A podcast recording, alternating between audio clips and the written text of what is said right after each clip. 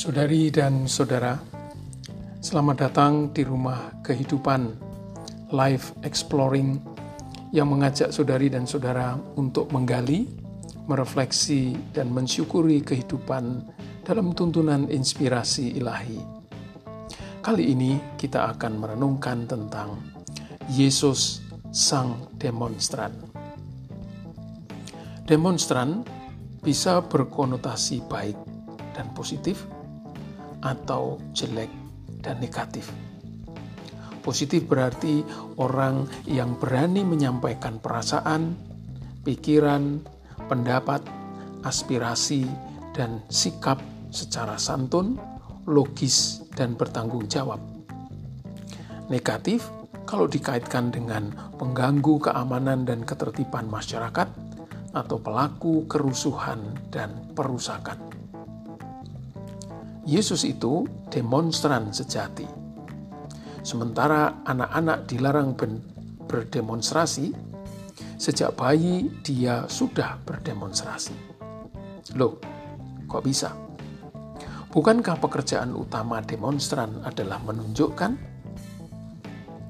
Kelahirannya menunjukkan betapa besar kasih Allah kepada dunia hingga ia mengaruniakan anaknya yang tunggal – supaya setiap orang yang percaya kepadanya tidak binasa.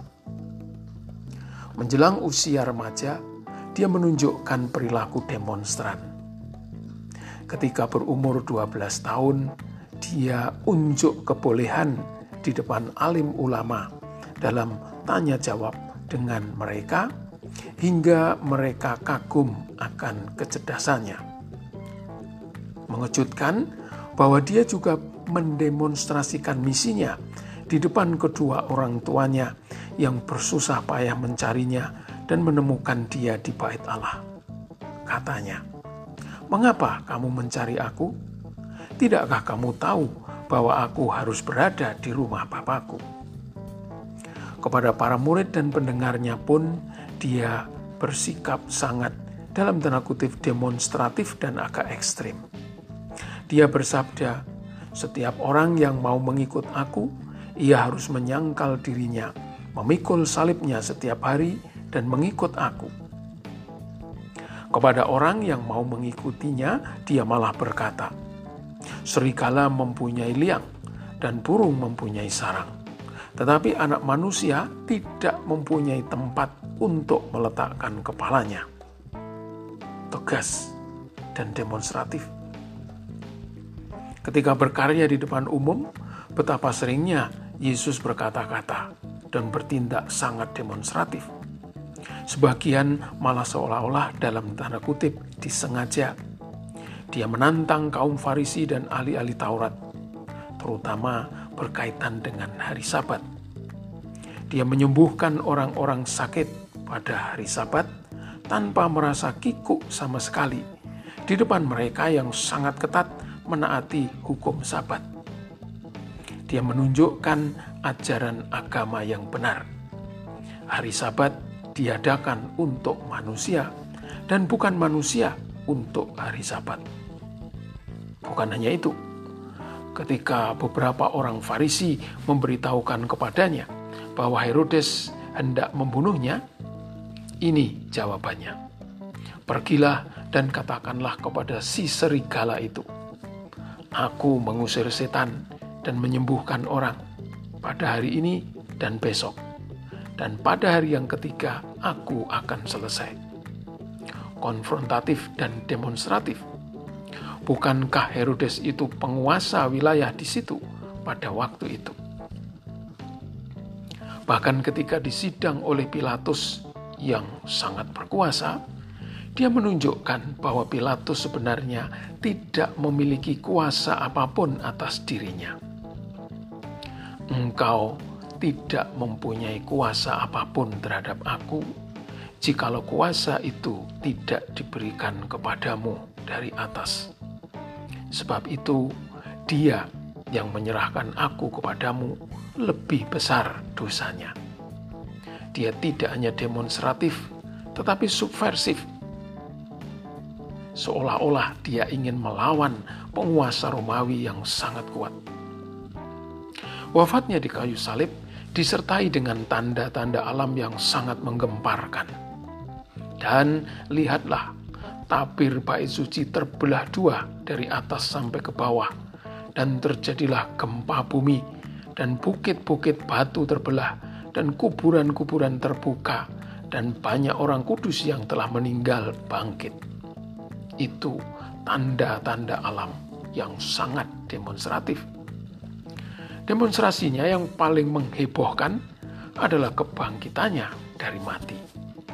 Bukan hanya peristiwa kebangkitannya saja, melainkan juga segala yang dilakukannya ketika menemui para muridnya setelah dia bangkit. Walau hanya duduk bersama dan makan di pinggir pantai, tindakan itu demonstratif dan mengubah keyakinan para muridnya bahwa gurunya tetap hidup dan tidak meninggalkan mereka. Yang mereka kira kalah dan tamat, ternyata sedang memberikan kehidupan yang baru kepada seluruh umat sebagai juru selamat. Yesus memang demonstran sejati. Dia tidak hanya berbicara, tetapi melakukan yang dikatakannya. Dia tidak berjanji dengan berteriak-teriak di atas mobil dengan loudspeaker yang keras tetapi mewujudkan lebih dahulu yang dituntut dari murid-muridnya. Benar-benar seorang guru yang demonstratif.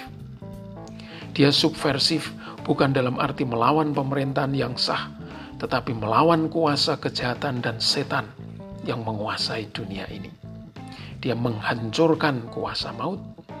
Itu semua dilakukannya dalam rangka melaksanakan kehendak Allah menyelamatkan dunia. Semua selesai tanpa huru-hara, keributan, dan kerusuhan. Seandainya semua demonstran mengerti apa alasan dan tujuan demonstrasi yang sejati, tentu mereka mengikuti langkah Yesus, sang demonstran. Bila itu yang terjadi, demonstrasi itu tidak butuh biaya banyak apalagi berakhir dengan banyak fasilitas umum yang dirusak. Demo yang sejati bertujuan menyampaikan dan mewujudkan kebenaran. Para pengikut Yesus yang konsisten dan konsekuen dengan imannya dalam mengikutinya boleh dan bahkan harus menjadi demonstran-demonstran. Mendemonstrasikan iman, kasih, dan pengharapan demi keselamatan. Dan hanya satu caranya, yakni meneladan Yesus sang demonstran. Saudari dan saudara, marilah mengusahakan dan menikmati hidup bahagia dengan mengasihi Allah, diri sendiri, dan sesama. Tuhan memberkati. Thank you.